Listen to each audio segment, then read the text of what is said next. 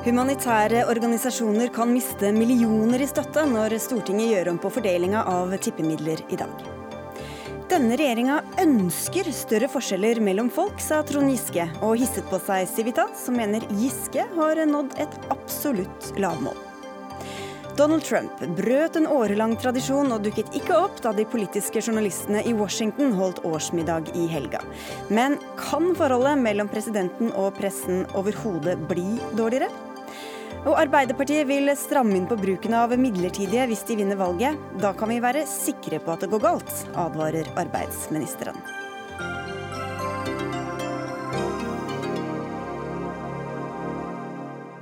Dette er Dagsnytt 18 i NRK P2 og NRK2. Jeg heter Sigrid Solund. Og straks skal vi til Stortinget, hvor de akkurat nå sitter og voterer over framtidens tippemiddelbruk.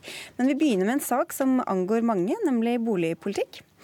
Tror regjeringa at eh, boligproblemene i østlandsområdet slutter ved Oslo-grensa? Nye tiltak i hovedstaden fungerer mot eh, boligspekulasjon, som sender prisene stadig oppover, og nå må de innføres flere steder sammen med andre tiltak. Det sier du, Nicolas Wilkinson, du er SVs førstekandidat i Akershus eh, foran stortingsvalget til høsten. Og ikke bare det, du sier du er forbanna. Hvorfor det?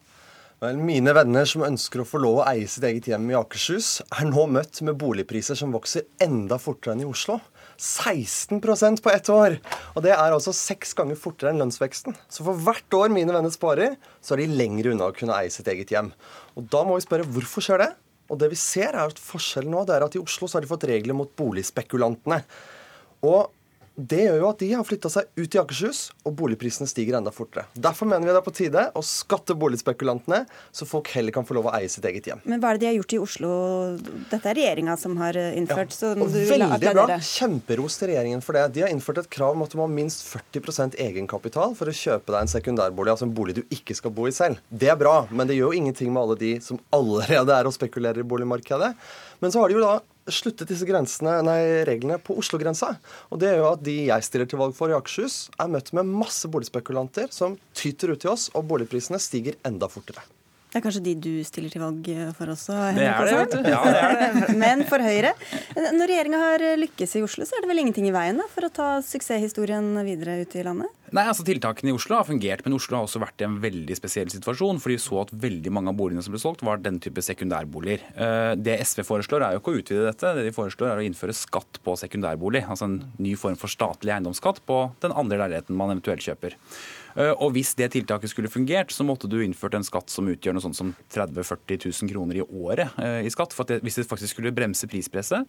Det er jo ikke det de foreslår. De foreslår bare å øke det litt, sånn at det blir en ny melkeku for staten. Jeg syns SV seiler sånn falsk flagg. Dette her er et forsøk på finne en ny skatteinntekt for staten. Det er greit, det. Men, men vet du at det ikke ville fungert eh, hvis skattesatsen var lavere? Ja, altså Hvis du bare ser på hva prisveksten er, og hvis du ser på hva du kan få i leieinntekter, så må du faktisk opp på et sånt nivå for at det skal redusere prispresset. Og Det vi har gjort i stedet, det er jo å gjøre to ting. Vi sørger for at det bygges mye mer. Det er høyeste byggetakten i Norge siden 1985. Og det andre er at vi bygger kollektivtrafikk rundt de store byene, sånn at det blir lettere å kunne bo der, men jobbe i Oslo. Men bare fordi det er to forskjellige tiltak det er snakk om her, Wilkinson, hvorfor, hvorfor tar du til ene for det ordet, for det ene, tar til orde for det ene mens du roser det andre? Hvorfor ikke heller eh, innføre det, det som har fungert i Oslo, i Akershus og andre steder? Vi er for alle tiltak som kan hjelpe, men problemet med å bare stille krav til egenkapital for de som kjøper, er jo at du ikke gjør noe med alle de som allerede spekulerer i boligmarkedet. Og jeg tror det er viktig å si at Boligbygging er viktig, det er bra, men jeg tror nok regjeringen skal dele den seieren med f.eks. rød-grønne Trondheim, som hadde byggerekord i 2016. Så det er det mange som står bak. Men da må vi spørre oss selv hvordan kan vi sikre at boliger selges til de som faktisk skal bo i dem, og ikke boligspekulanter. Og da har jeg snakket med nå en, en boligmegler, Tor Gunnar Stavsholt fra Ski. Hei, hei, Tor Gunnar. Ja, hei, Tor Gunnar. Som selv kunne, altså fortalte meg nå at de merker at det er masse boligspekulanter i Akershus som nå kjøper opp boliger. Og det er det som presser opp boligprisene. Ja, Men så sier Asheim at det hjelper ikke hvis du ikke setter satsen så høyt at det faktisk utgjør en stor økonomisk forskjell. Og der tar jo Henrik Asheim feil. Vi har jo en kø av økonomer som støtter dette forslaget. Ikke det skattenivået dere vil hva slags skattenivå er det dere vil Ja, legge det vi har sagt nå er et bunnfradrag på 2 millioner kroner med 3 promille. Det vil si at hvis du kjøper en svær boligblokk for eksempel, til 10 millioner kroner, så må du ut med 24 000 kroner i året. Det har effekt. Men det vi Det har du vel råd til hvis du har råd til å kjøpe en blokk? ja, så er det, ja, det har du. Men her er tingen at det det handler om, er jo å skru om et skattesystem. Ett eneste tiltak løser ikke boligkrisen sånn den er nå. Men vi kan heller ikke nå velte hele boligmarkedet. Vi må være seriøse, og vi må være forskningsbaserte. Og det økonomene sier, er at det altfor lønnsomt i dag å spekulere i boligskatt. Hvis Høyre vil være med å sette inn en høyere boligskatt på boligspekulantene, så er jo det strålende. Nei, men det var enten eller, Asheim. Altså enten ingen skatt eller veldig høy skatt. Ja, men altså Poenget er at vi har jo gjort noe. Det vi har gjort er at man nå skattlegger gjennom formuesskatten det å investere i eiendom på lik linje med å investere i aksjer eller noe annet. da. Så noe har man gjort på skattesiden. Det er jo det som avsløres her. ikke sant? Når du sier at 24 000 kroner i året for å eie en boligblokk, det er en, det, ja, det er en dråpe i havet. Men er ikke dine venner bekymra over at ikke de får råd til å kjøpe seg en leilighet eller et hus, da? Absolutt, og det er derfor vi har gjort en hel del ting. Det ene er at vi har forenklet byggereglene, så det er lettere nå å bygge de minste leilighetene. Derfor har vi også den kraftige byggetakten. Det andre er at vi bygger for eksempel, altså for eksempel da, så har vi nå sagt ja til å bygge boliger for 10 000 mennesker i Ski. Og så bygger vi Follobanen, som gjør at det tar ni minutter å ta toget fra Ski til Oslo S. Og som det blir også mer lønnsomt å spekulere i de leilighetene. Hvordan skal du sørge Jo, for at ikke de går til spekulasjon og investering i stedet for at noen skal bo i dem? For det andre er at jeg synes det er irriterende at SV argumenterer som om hele Norge var Grünerløkka. Det er jo ikke det. De aller fleste som kjøper en leilighet, kjøper som den store investeringen de gjør i livet. Så det er ikke sånn at alle som kjøper eiendom i Norge er boligspekulanter.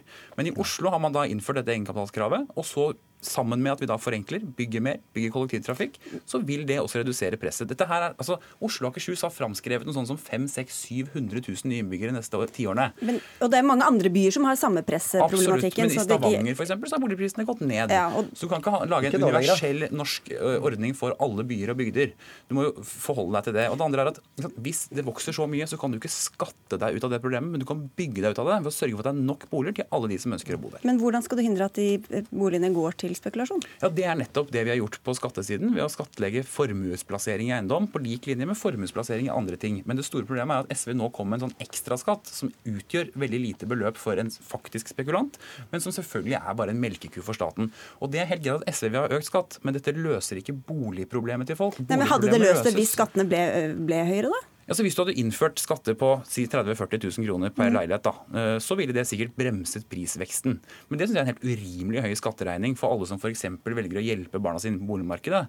Da er det mye bedre å sørge for at vi får bygget flere små leiligheter. De må jo ikke hjelpe dem på den måten. De kan jo hjelpe dem ved å gi dem penger til å kjøpe seg en leilighet. Jo da, men liksom, Poenget er at det er mye bedre da å bygge leiligheter sånn at flere får kjøpt. Andelen i Norge som eier leilighet, stiger jevnt og trutt i aldersgruppen 20-30 år.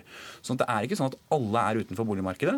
Men hvis vi faktisk skal gjøre noe som gjør både at flere kan eie, og at du kan bo kanskje litt utenfor Oslo, men jobbe i Oslo, så må du bygge mer, gjøre det enklere, billigere, enklere og billigere kollektivtrafikk, istedenfor som SV alltid gjør, å gripe til skatteregninga.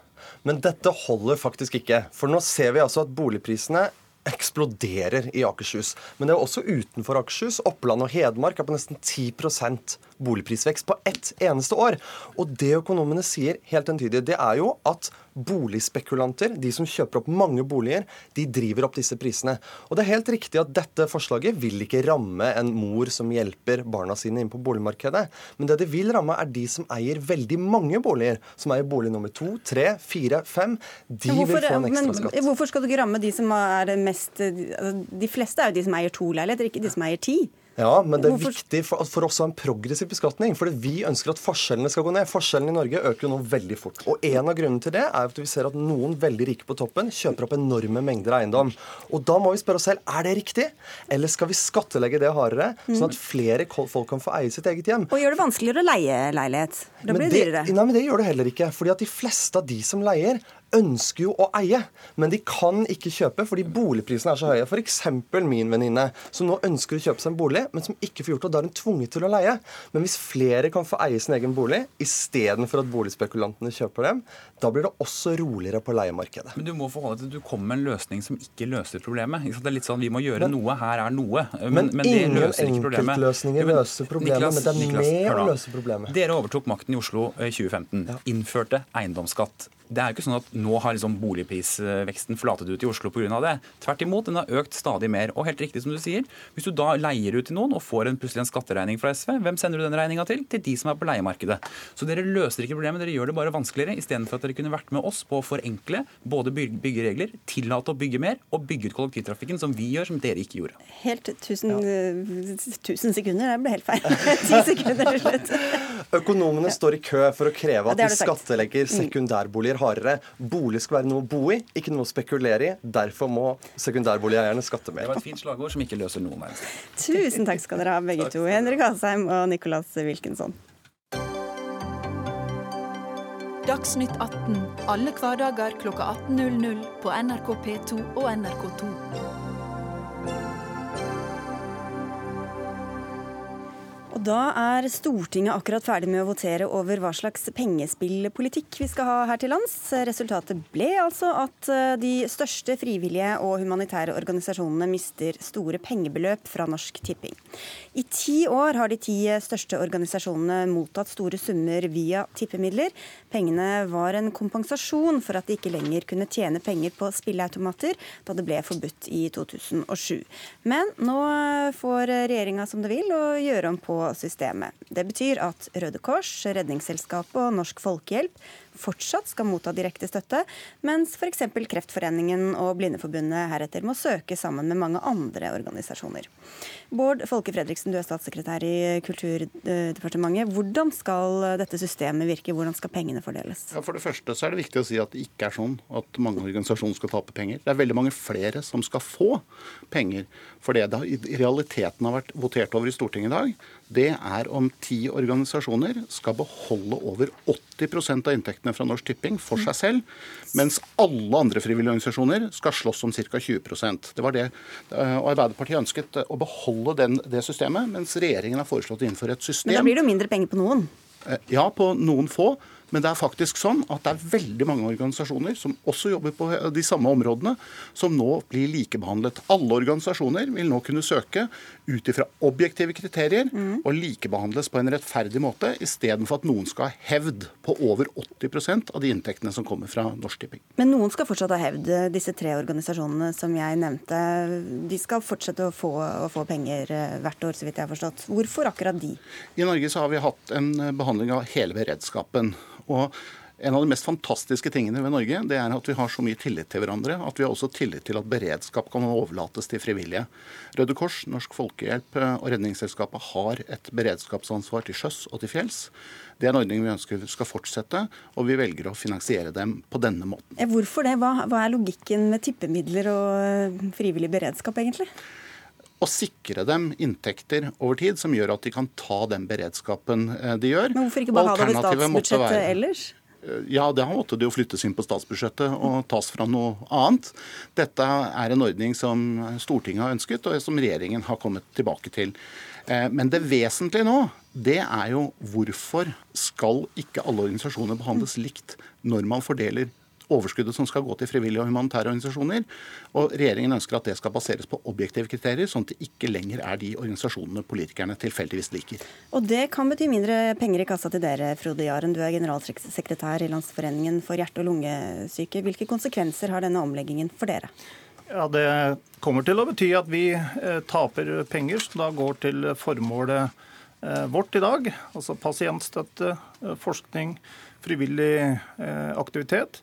Både vi, Kreftforeningen, Blindeforbundet og mange andre eh, har mye penger fra, fra denne ordningen. Og eh, vi kommer til å tape store penger. Og så er det ikke sånn at dette dreier seg om en likebehandling. Jeg syns det er et viktig poeng det du eh, peker på. Her tar de 60% av potten og forbeholder da tre store organisasjoner.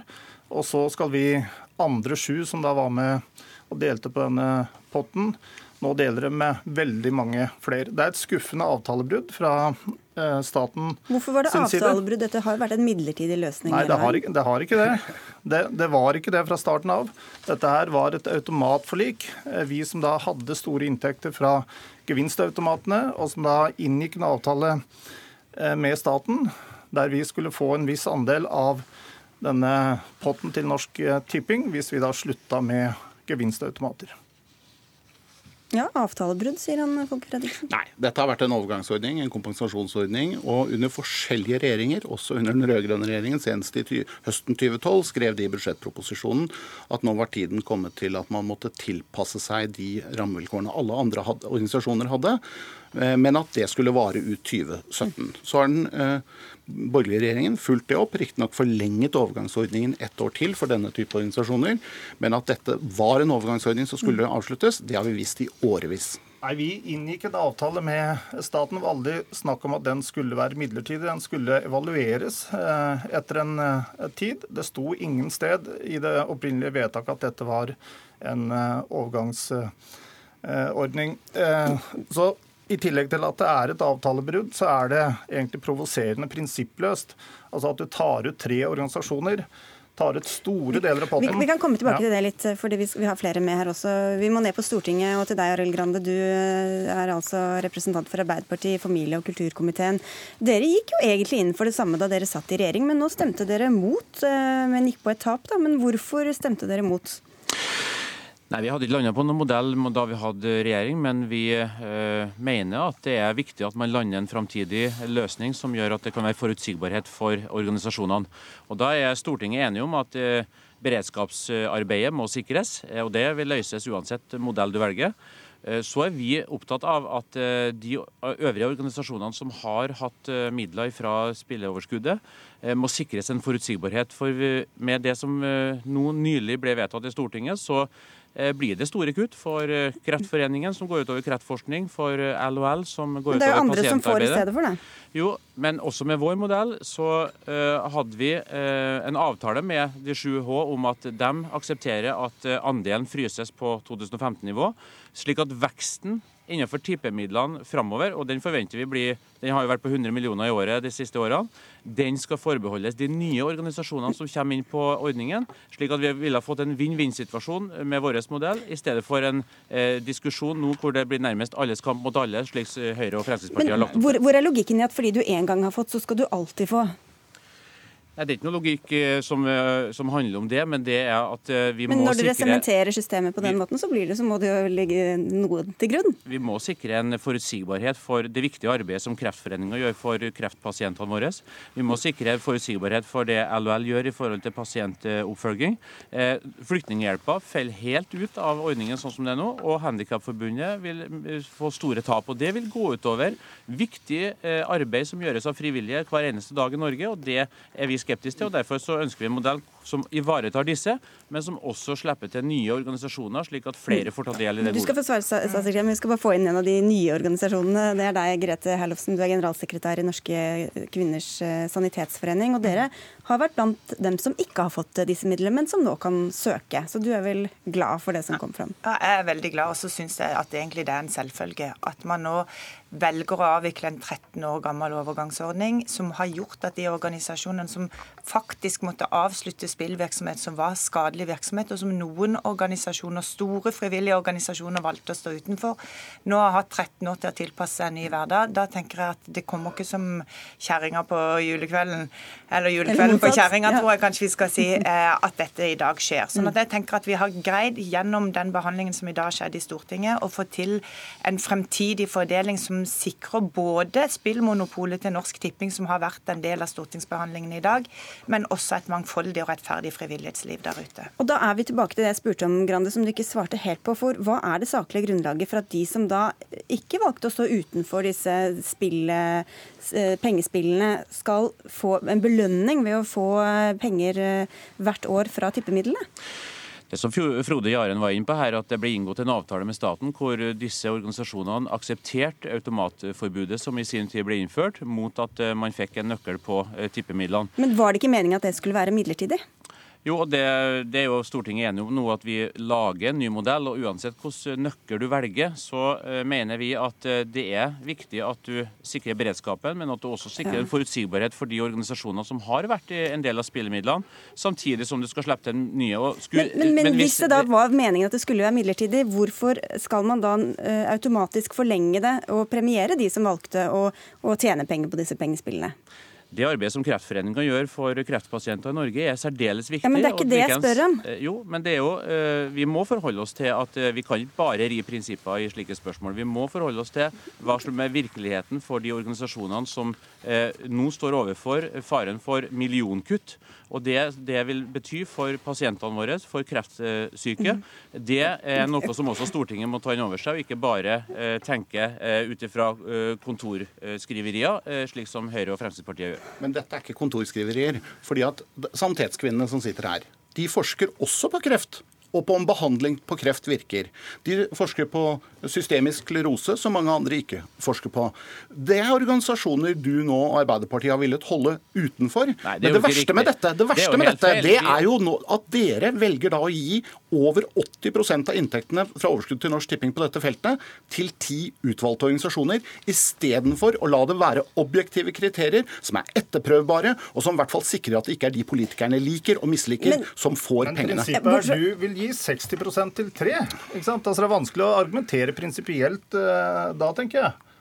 Men, og, det, og det ja, er en oppfølging ja. av Stortingets vedtak. Så, så du er prinsipielt på 40, 40 og er prinsipielt og 60 er ikke det? Og det er i hvert fall bedre at det store gross av mange titalls organisasjoner slipper til å søke på rundt 20 eh, eller 60% eller hva, okay. det oppnår. Men, men, men, er du enig i at Enn at de sitter igjen med smuler og glansbilder. Ja, finnes ikke prinsipper her. Hvorfor er det prinsipielle på det ene og ikke på det andre? Men Det er interessant å høre at det ikke finnes prinsipper. De ser jeg, og jeg ser at spørsmålet her er om man skal ha objektive kriterier å forholde seg til, eller om det er de organisasjonene politikerne liker. Slik Arbeiderpartiet i dag ja, Nå er det Arbeiderpartiet som har stemt, og ikke LHL, men akkurat de organisasjonene som Arbeiderpartiet i dag liker, som skal få disse. Og jeg bare venter på hvilke organisasjoner er det Arbeiderpartiet liker i morgen, men som ikke er inne i ordningen. Og hva vil det få, men, få bety for Arbeiderpartiets syn? Det flere har vært bekymret for, var jo for hvor forutsigbart dette blir. Mm. Eh, hvordan skal man kunne budsjettere og planlegge framover hvis man ikke vet om man får støtte eller ikke? Og, og, og, takk for at jeg får det spørsmålet. For det er jo hele fordelen med å ha et system med objektive kriterier. Ja, hvor, er at det for, ikke er opp til statsbudsjettbehandlingen.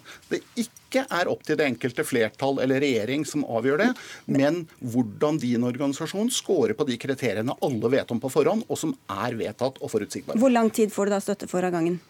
Det vil du jo få for den tiden du oppfyller de kriteriene.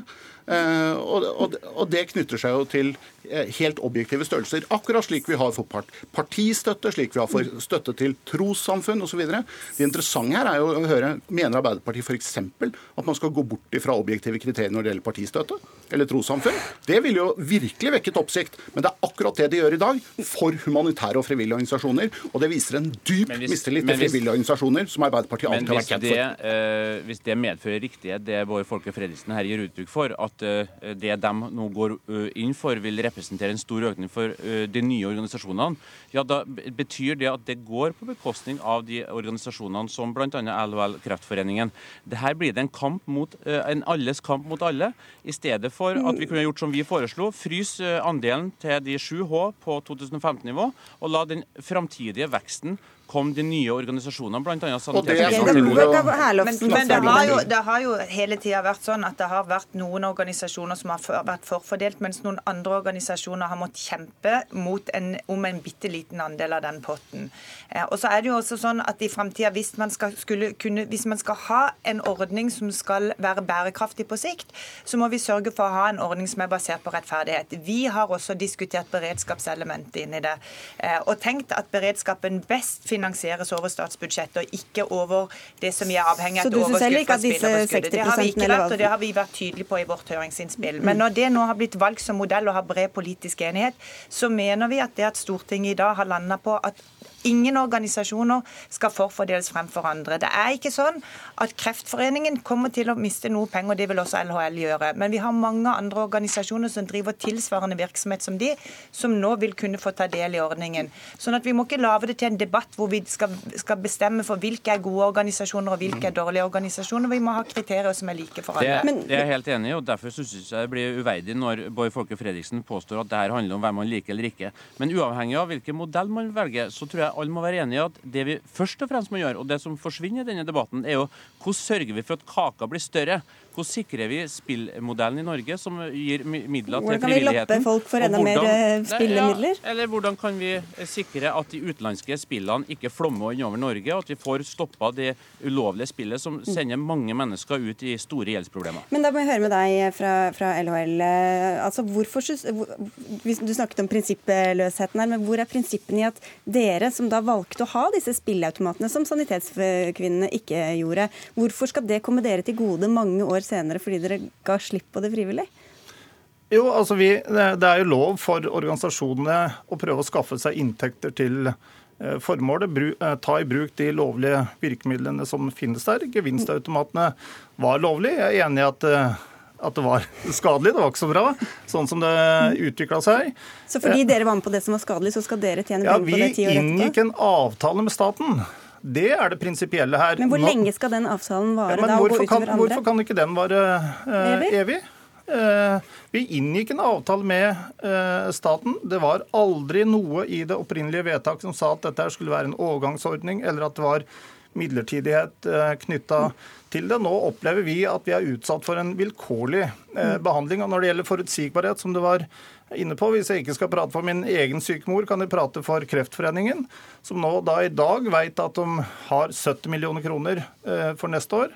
Når denne nye ordningen trer i kraft, så vet de ikke hvor mye de har fra disse midlene. Og det utgjør store beløp som i dag brukes til pasientstøtte, forskning og Mm. Men, men du var inne på rettferdigheten. Syns du det er rettferdig at dere skal uh, få penger, og Sanitetskvinnene ikke får det, fordi de valgte å stå Men utenfor det Sanitetskvinnene får penger fra denne eh, ordningen. Ja, vi eh, får nå, 3 millioner og- kroner og- mot 70 millioner kroner Og til det, Kreftforeningen. det forslaget som, som lå her, som disse partiene alternativt kunne stemt på, hadde sikra alle organisasjonene eh, inntak i tippemiddelordningen. Men det kan ikke være sånn at vi skal straffe noen fordi de drev med lovlig inntektsarbeid på 90-tallet. Og det, der har du helt rett. Men jeg må også få lov til å si det kan ikke være sånn at vi skal fortsette å, pre, fortsette å straffe de som ikke, og de som bevisst valgte å ikke ha inte, eh, penge, pengespillautomater på 90- og 2000-tallet fordi de syntes det var ufyselig, kan ikke fortsatt bli straffet. Det var bra vi ble kvitt automatene. Men dere skal premiere tre organisasjoner.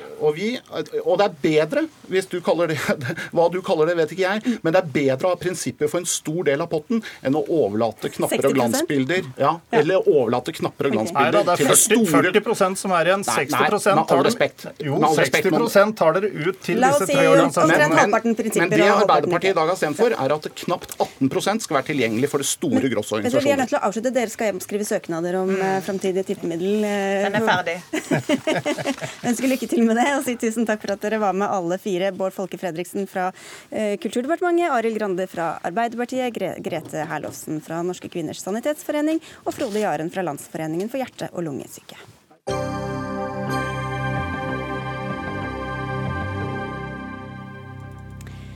Ønsker dagens regjering at det skal være større økonomiske forskjeller mellom folk? Det er tema for en pågående debatt mellom Arbeiderpartiet og den liberale tankesmien Civita.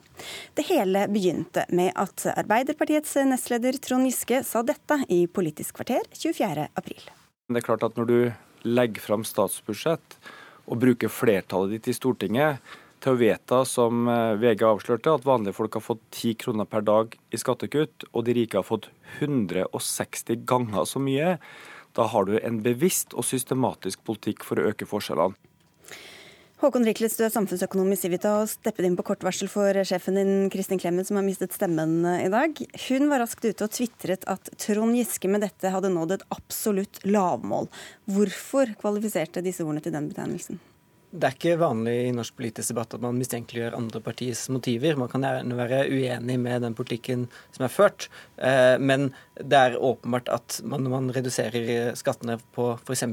selskaper, så gjør man det først og fremst fordi man tror det bidrar til mer investering i norsk økonomi, og på sikt er bra for eh, hele samfunnet. Eh, og det er merkelig å, på, å skulle påstå at det er en målrettet politikk for å øke forskjellene, når man har helt andre argumenter for den politikken man fører. Men hvis det er konsekvensen, da, og de ikke endrer kurs, eh, hvilken rolle spiller det egentlig om man har det som mål eller ikke, så lenge det fører til det samme? man har mange politikkområder som kan ha uh, innvirkning på ulikheten.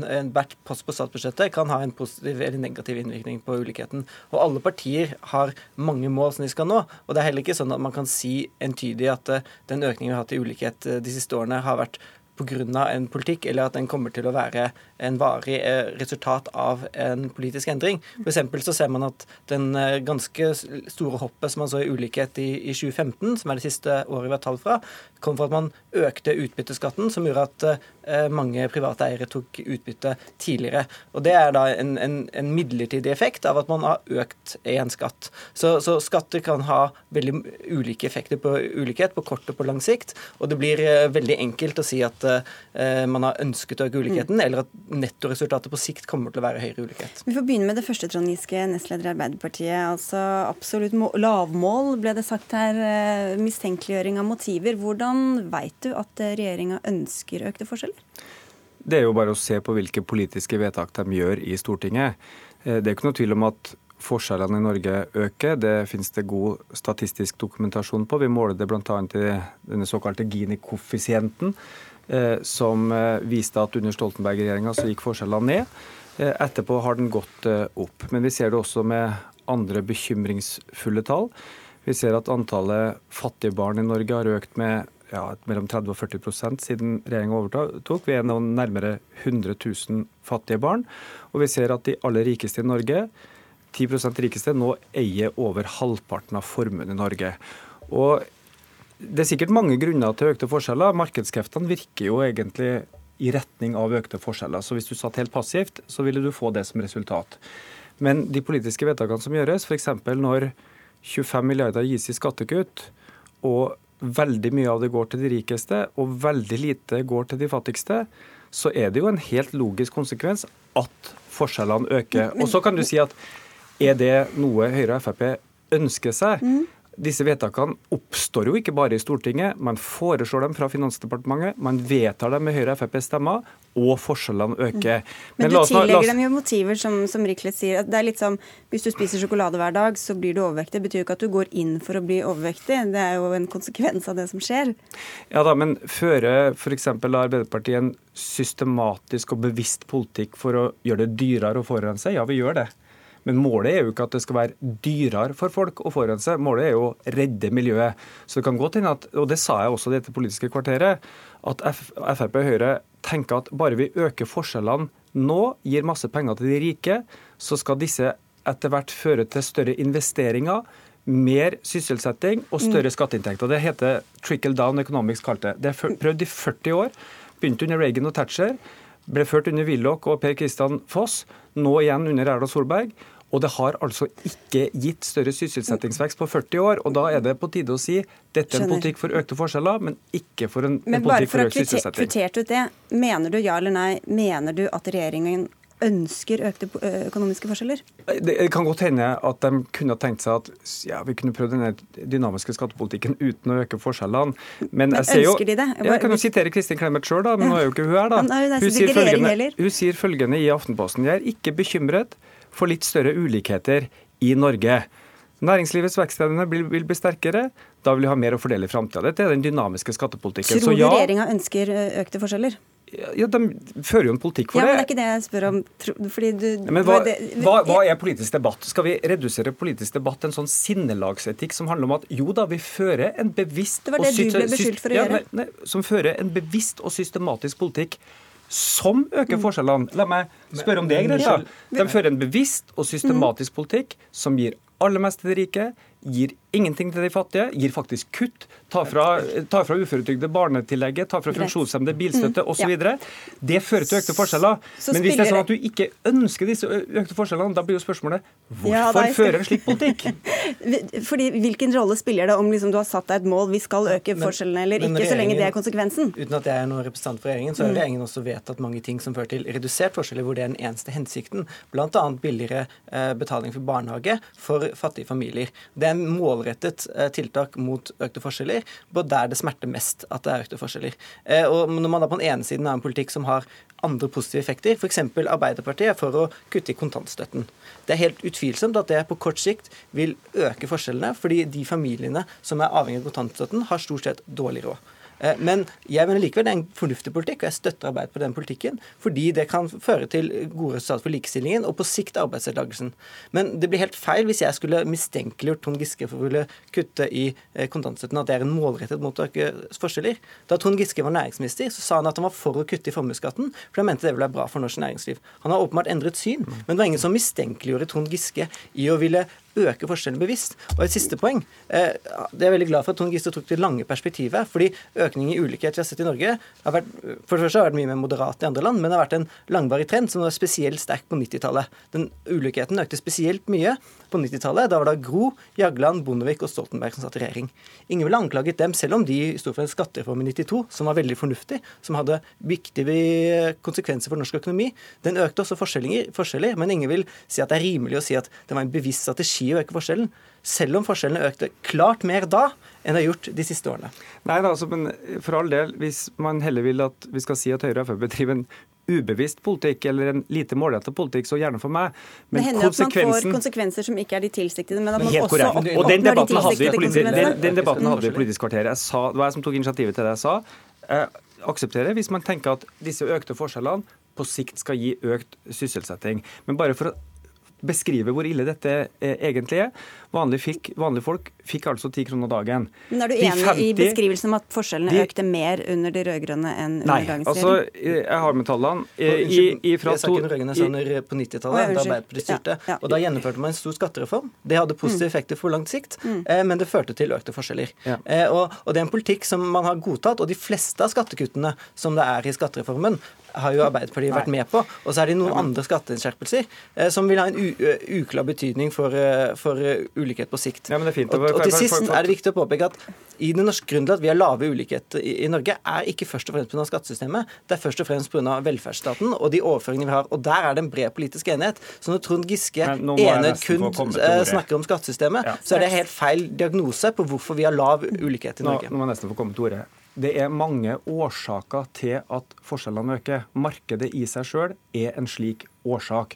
Spørsmålet er om de politiske vedtakene som en sittende regjering, Frp og Høyre, gjennomfører, bidrar til å forsterke de forskjellene eller å redusere de forskjellene.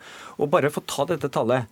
Når vanlige folk får 10 kroner dagen, og de 50 rikeste enkeltpersonene i Norge nå til sammen over disse fire årene har fått mer enn 1000 millioner kroner i skattekutt.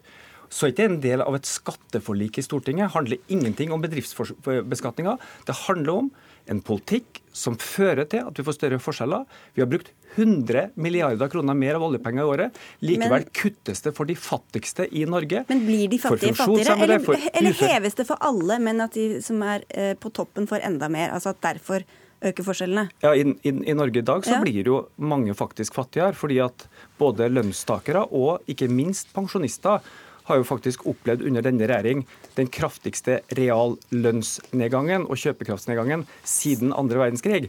Sånn at det er jo ikke noe tvil om at folk blir fattigere, men heldigvis i Norge så er jo ikke fattigdom at du mangler mat eller tak over hodet, men det handler f.eks. om 100 000 barn som antagelig ikke har råd til å kjøpe den bursdagsgaven som handler om å gå i bursdagen til klassekameratene sine, delta på fritidsaktiviteter og bli utestengt av sosiale eh, fellesskap. Og det er alvorlig når vi har nesten 100 000 fattige barn i Norge. Et siste spørsmål. Håkon Rikles, du, sitter jo ikke i regjering, som du selv sa. og Trond Giske siterte Kristin Clemet i stad. Vi kan også sitere Torbjørn Isaksen fra 2011, som sa at det ikke var eh, så Altså at Norge tålte økte forskjeller, var en debatt som gikk da. Så det er jo kanskje ikke så rart at man mistenkeliggjør eh, regjeringen for at de om ikke annet, liksom, i hvert I hvert fall fall tolererer økte men, forskjeller. men alle partier mener at man skal tåle økte forskjeller. Hvis, hvis, hvis, hvis den politikken som førte til det, er noe de er for Arbeiderpartiet var for eh, flyktningforliket, som fikk veldig mange flere flyktninger til Norge. Den, den eneste grunnen til at det er flere fattige barn i Norge, er fordi det er flere fattige innvandrerfamilier. Det å ha økt innvandring har, er den største grunnen til økt forskjeller på lang sikt. Og det er en politikk som Arbeiderpartiet har vært for. Så det er ikke det at man, Når noen sier at man kan tåle økte forskjeller fordi det må nå et annet politisk mål, så er ikke det noe som er unikt for regjeringen. Og, det er, og Trond Giske taler mot bedre vitende når han påstår at det er regjeringens skyld at det er flere fattige barn. Det er fordi man har hatt økt innvandring. Og regjeringen har også hatt en målrettet politikk for å redusere eh, fattigdommen i de familiene gjennom f.eks. billigere barnehage. Ok, La oss akseptere følgende, da. At jeg, politikk fører til økte forskjeller. Vi vet at én krone brukt på skattekutt, én krone vi ikke kan bruke på skole eller omsorg. Da er det opp til Høyre og Frp å bevise at dette fører til økt sysselsetting, og vi har altså den høyeste arbeidsløsheten på et kvart århundre. Ja, nå er vi inne i en litt annen debatt som vi ikke rekker å ta nå. Eh, det visste du helt sikkert da du sa det, Trond Giske. Men takk for at du sa det uansett, og for at du kom. Og takk for alt det du sa også, eh, Håkon Rikles fra Civita, og for at du kom.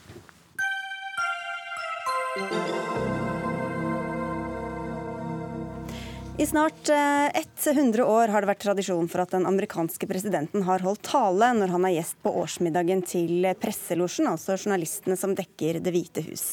Tradisjonen har vart siden 1920, og ikke siden Ronald Reagan lå skadet på sykehus etter et attentat, har presidenten uteblitt. Før i år, da Donald Trump takket nei til å være med på middag i helga med en presse som han har kalt falsk, uærlig og folkets fiender. Våre Nalme, du er kommentator ved amerikansk politikk.no. Først, Hva slags arrangement er denne middagen som Trump altså ikke ville gå på? Det er jo en, en årlig symbolsk markering, eh, ikke bare av forholdet mellom presse og president, men også da en feiring av det første grunnlovstillegget, altså ytringsfrihet, eh, og den friheten pressen skal ha som da fjerde statsmakt. Um, og som du sa, så er det jo, det er jo mange mange år siden sist vi, vi, så en president som uteble. Det er jo Siden 1981 så har vi jo sett at hver eneste president har, har deltatt, og da var jo til og med Reagan med per telefon. Og så, så er det Carter og Nixon som har uteblitt, men det har da vært i litt sånn spesielle omstendigheter. Hva sier det da at Trump ikke prioriterte å gå, og tvert imot eh, vel eh, snakket ganske stygt om dem som var der også? Mm.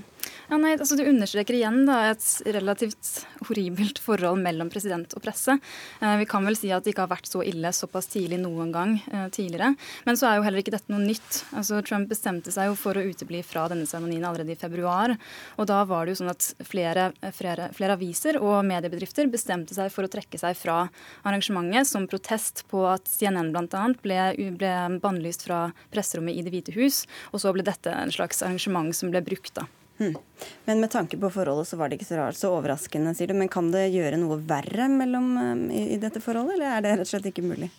Jeg tror ikke det gjøres verre. og Det, det var jo også strategisk lurt av Trump å, å legge inn sitt eget arrangement eh, på 100-årsdagen, eh, der han latterliggjorde eh, disse Washington, eh, den Washington-pressen, som han kalte det, og Hollywood-skuespillere. Og, og, og, altså mm. snakket om, om, dem som de var tegnet på det som, eh, som hans støttespillere da har, har vært imot, og som var mye av grunnen til at han ble valgt. Den som var på middag, og som lot både Trump og mediene få gjennomgå i talen sin, var komikeren Hassan Minaj fra humorprogrammet The Daily Show. Vi skal høre litt av hva han sa. We gotta address the elephant that's not in the room. The leader of our country is not here. And that's because he lives in Moscow. It is a very long flight. It'd be hard for Vlad to make it. Vlad can't just make it on a Saturday. It's a Saturday. As for the other guy, I think he's in Pennsylvania because he can't take a joke. Jonas uh, King Bergland, du er komiker. Dette var noen sekunder av uh, eh, 24 minutter. Var det morsomme 24 minutter? Ja, ja, absolutt. Altså, han er veldig flink. Og det var, jeg syns det var veldig bra. Han har jo fått mye oppmerksomhet for det han sa. Um, hva er det som gjør at han treffer, syns du? Nei, altså Som komiker så kan man legge inn et, uh, et litt sånn skjult uh, debattinnlegg da, ved å, ved å, komme med ganske drøye um, uttalelser under dekke at det er humor. Uh, og jo nærere sannheten der, jo mer svir det jo. Og her så var det jo ganske tydelig at det var veldig nære, da. Han gikk jo ikke bare etter Donald Trump, han gikk etter mediene også. Hva var det han sa til, til pressen som var det? Nei, at de må skjerpe seg, rett og slett. Altså, han eh, fronter seg sjøl som en tullejournalist, og det er han jo på en måte også. Men uh,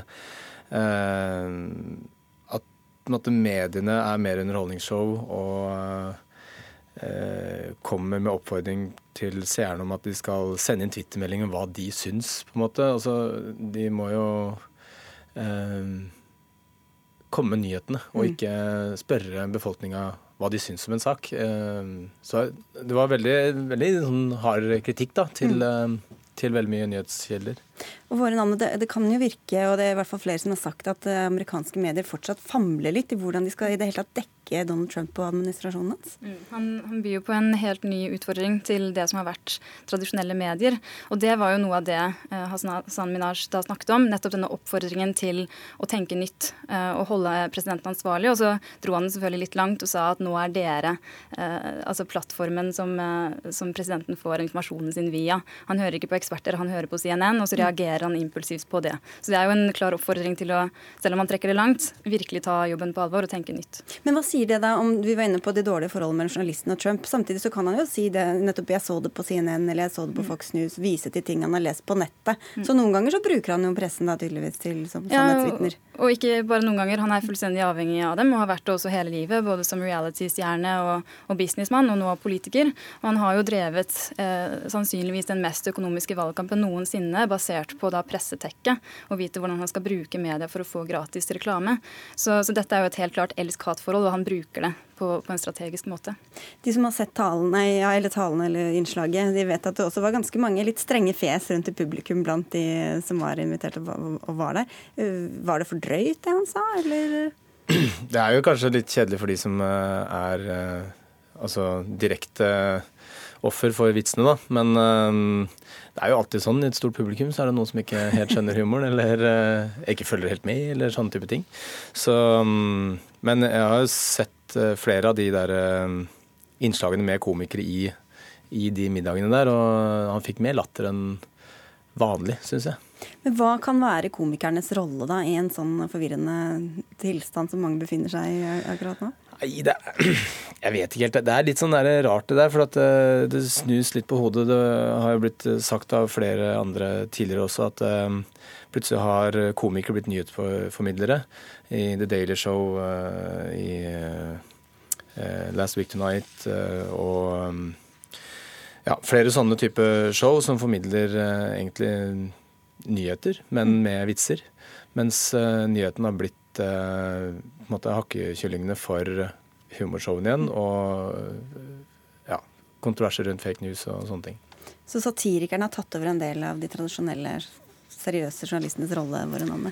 Altså, de, de, har jo i hvert fall fått mer spillerom enn, enn kanskje tidligere. Og, og, mye av det som forekommer nå i, i politikken og i Trump-administrasjonen, er jo relativt absurd. Øh, og, og, gjør det vanskeligere for journalister å dekke dette her på en måte som er nøytral og objektiv, og ikke blir da kritisert for å være liberal og venstrevendt. Mens satirikere har mye mer frihet på akkurat det, og kan sette fingeren på, på nettopp det som er problemet, uten å da kanskje bli beskyldt for ikke å være rettferdige. Vi skal litt videre, for Trump prioriterte ikke pressemiddag, men han har absolutt ikke ligget på latsida. I løpet av kort tid har han invitert både Filippinenes president Rodrigo Duterte og Thailands statsminister Prayut Chanucha til USA, og begge er politikere som er anklaget for omfattende brudd på menneskerettighetene. Korrespondent eh, i USA, Gro Holm. Eh, en mann som Duterte anklages altså for å ha godkjent flere hundre utenomrettslige henrettelser i forbindelse med kampen mot narkotika. Hvordan reagerer amerikanerne på at Trump inviterer ham?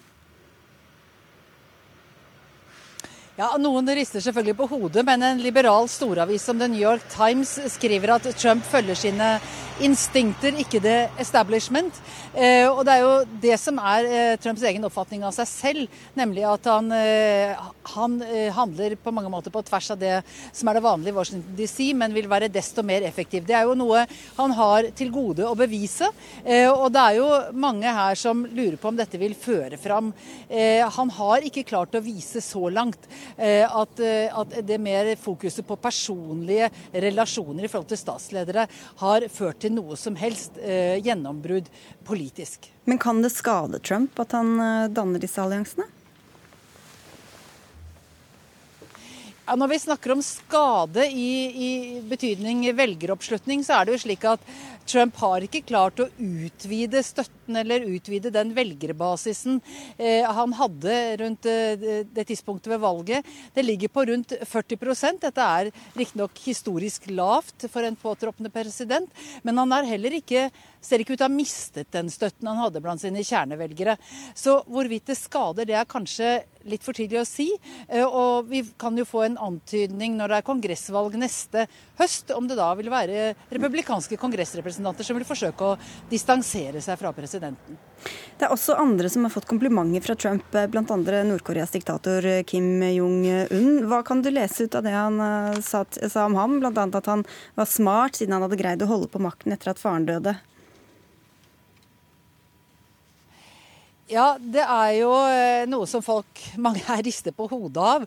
Eh, han beskriver han også som ung og intelligent, med kontroll over eh, tross alt et atomarsenale. Og han, han, inviterte jo da også Kim Jong-un til å eventuelt samtale med ham, nærmest. Det, det har Det hvite hus måttet gå tilbake på etterpå og sagt at det er nok riktignok hvis omstendighetene ligger til rette, og omstendighetene vil det omfatte at Kim Jong-un har gått med på å fjerne eller redusere atomvåpenarsenalet sitt, noe de færreste jo tror at han vil gjøre. Så, eh, så her er det eh, mye hoderysting, eh, også blant republikanere. Og som sagt, de har måttet gå noe tilbake på det utsagnet om at Trump kan tenke seg å møte ham. På tampen, Groholm, han skal ha telefonsamtale med Vladimir Putin i ettermiddag. Hva tror du blir tema for den samtalen? Jeg tror Syria kommer til å bli veldig viktig. Eh, det har jo ikke gått slik Trump eh, antydet i, valgkampen, nemlig at de to ville samarbeide eh, om en løsning for Syria. Det har, de har det ikke gjort i noe særlig grad så langt. Tvert imot, Trump bombet jo syriske, en flyplass som tilhørte syriske regjeringsstyrker. Og det blir jo mer og mer klart også for presidenten at de to støtter forskjellige sider i den syriske konflikten. Men det betyr jo også at man ikke kommer noe særlig videre med tanke på Eh, å, komme i gang med fredsforhandlinger. Eh, så her er det vel snakk om å finne ut litt av hvor smertegrensen går for eh, Putin, og, og forsøke å, å, komme noen skritt videre. Men Det hvite hus holder kortene veldig tett ved brystet. De ønsker ikke å gå ut med en gang hva som er tema. Takk skal du ha, Gro Holm, og tusen takk også til dere, Våren Alme og Jonas Kinge Bergland. Hør Dagsnytt 18 når du vil Radio NRK NO.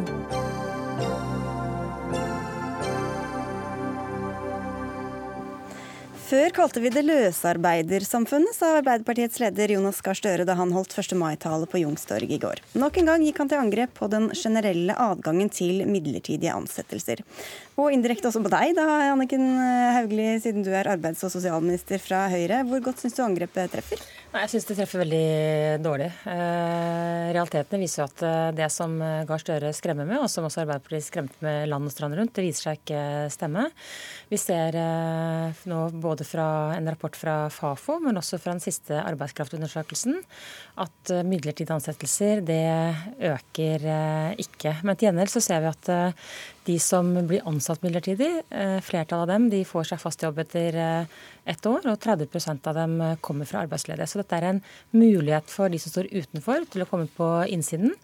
Og vi ser at midlertidige ansettelser øker ikke. Det er faste ansettelser som er hovedregelen, og det er viktig for regjeringen også.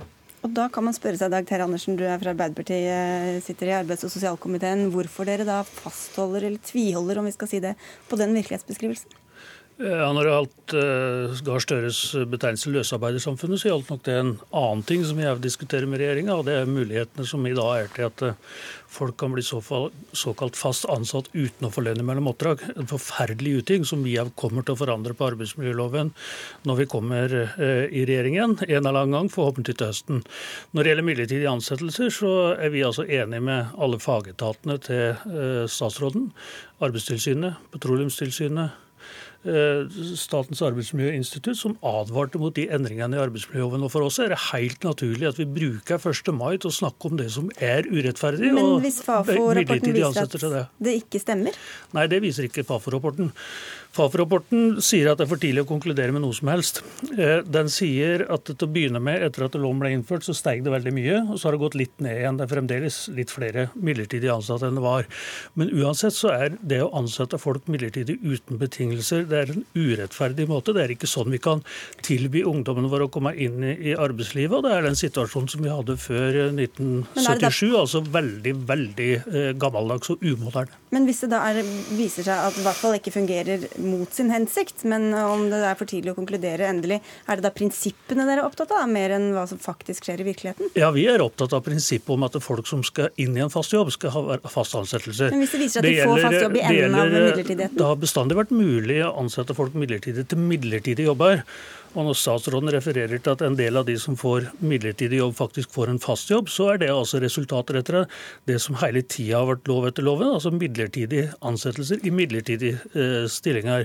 Men eh, all erfaring fra andre land, fra OECD som driver og forsker på den type ting, viser at eh, det blir altså ikke flere ansatte eh, av midlertidige ansettelser. Og det viser jo tallene fra eh, både Nav og fra Statistisk sentralbyrå at nå er vi faktisk inne i en situasjon der sysselsettinga i Norge går ned.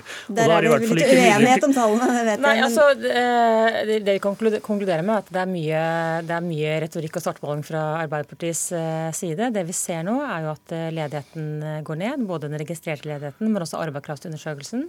Vi ser at bedriftene melder om økt optimisme. Flere bedrifter ønsker å ansette. Og vi ser tall i dag som viser at at det er altså vekst i, i industrien. Og så er det riktig som dr. Andersen sier, at sysselsettingsandelen har gått ned. Og nå jeg bare, kan jeg unnskylde Arbeiderpartiet med at, at hoveddelen av den gikk jo ned i hans egen regjeringstid. Halvparten av det skyldes demografi, altså dvs. Si vi blir flere eldre økt innvandring, og at mange nå unge velger å ta utdanning. Men så er jeg også enig med han i at eh, det er viktig å få sysselsettingsandelen opp. Det er tross alt arbeid som finansierer eh, velferden vår. og Det er også bakgrunnen for at regjeringen nå satser eh, kraftig på det som bedriftene selv etterlyser, nemlig skattelettelser, økt satsing på infrastruktur, men også kunnskap og kompetanse.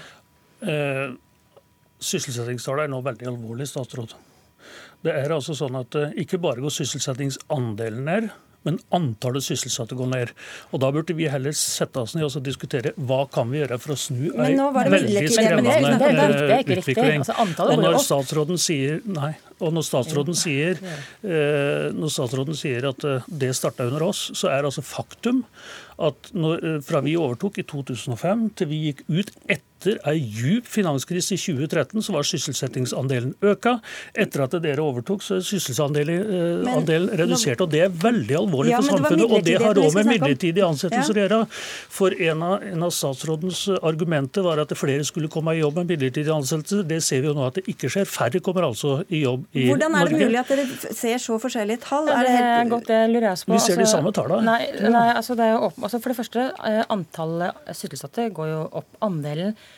går ned. Og den utviklingen som skjedde fra 2008, jevnt og trøtt, hoveddelen skjedde men, eh, under Arbeiderpartiets styre. Men siden midlertidigheten, er det liksom ingen som kan konkludere noen ting? Er det for tidlig, rett altså, og slett? Det som, det som Fafo har vist, da de har undersøkt eh, hva som har skjedd etter endringen trådte i kraft. Og så har ikke den, eh, har ikke, den har ikke eksistert så lenge, bare et, bare et altså, ja, Så vi har egentlig en litt prematur men diskusjon? De, men, de viser, men de viser at det er marginal endring siden det ble foretatt. Og så viser den siste arbeidskraftundersøkelsen at midlertidigheten går ned. Men det som er viktig for oss, er jo at eh, når vi ønsket å endre på dette, så var det fordi vi ønsket at flere skulle få muligheten til å komme inn. Men dersom Dr. Andersen er bekymret for midlertidige ansettelser, så syns jeg det er litt rart uh, at man selv, eller han selv, de tok aldri noe initiativ til å endre på muligheten til det i staten. Staten har vært den største synderen, og der har vår regjering tatt grep. Men vi må bare spørre deg da, Hvis det viser seg at det ikke har den effekten dere har ønsket med den midlertidigheten, mm. vil dere da reversere det? Nei, det er, nei, det er jo Arbeiderpartiet som står for uh, reversering. Ja, men Hvis dere ikke oppnår det dere ville, nei, altså, så er det vel ikke noe poeng med men det? sier er at For oss var det viktig at man skulle gjøre det eh, lettere for de som står på utsiden å komme inn. Vi vet at bedrifter er glad for muligheten. Vi vet at eh, de, av de som ansettes midlertidig, så vil flertallet få fast ansettelse. Ja, det var etter gamle ordningen, statsråd. Og vi ser at mange av de som kommer, eh, og vi ser at mange av de som ansettes fast, eller kommer inn i, i, gjennom midlertidigheten, de kommer fra arbeidsledighet. Det er folk som ellers ikke ville ha fått, fått det. Mitt poeng er at Arbeiderpartiet har løpt nå land og strand rundt og svartmalt både situasjonen på arbeidsmarkedet generelt, men også hvordan brutalisering som de bruker, eh, skjer. Det viser seg at det stemmer ikke det de sier. Det er ikke riktig eh, at vi går i feil retning, som det de påstår. Tall etter tall viser at vi nå går lysere tider i møte, og det er bedre, langt bedre på arbeidsmarkedet enn det Arbeiderpartiet påstår. Det er helt naturlig for oss 1. mai å snakke om urettferdighet. og Midlertidige ansettelser er en urettferdig ordning. Det er en ideologisk basert ordning. Vi har sett det i veldig høyredominerte ja, regjeringer rundt omkring i hvis, hvis det viser seg at det virker at folk får prøve seg i arbeidslivet, og også at man går over i, eh, over i fast jobb? Er All forskning som er gjort på dette internasjonalt, og erfaringene fra f.eks. Sverige, som jo hadde et veldig høyreorientert regime i forrige periode, viser at det blir ikke flere jobber. Det er det ikke blitt i Norge, men det blir færre eh, faste eh, jobber. Eh, og Derfor så kommer vi til å forandre på den loven. For det, er en lov som ikke Det går ikke an å tilby folk som skal ut i arbeidslivet midlertidighet. Det skaper okay. usikkerhet og utrygghet for familier som skal etablere seg. Og sånn samfunn vil ikke vi ha. er nødt til å eh, avslutte. Dere vil reversere. Dere vil absolutt ikke reversere. Da vet vi det. Den var grei. Anniken Hauglie, takk skal du ha. Takk også til deg, Dag Terje Andersen. Dagsnytt 18 er over for i dag. Det var Dag Dørum som sto for eh, innholdet i den. Teknisk ansvarlig var Frode Thorshaug, og jeg heter Sigrid Elise Solund.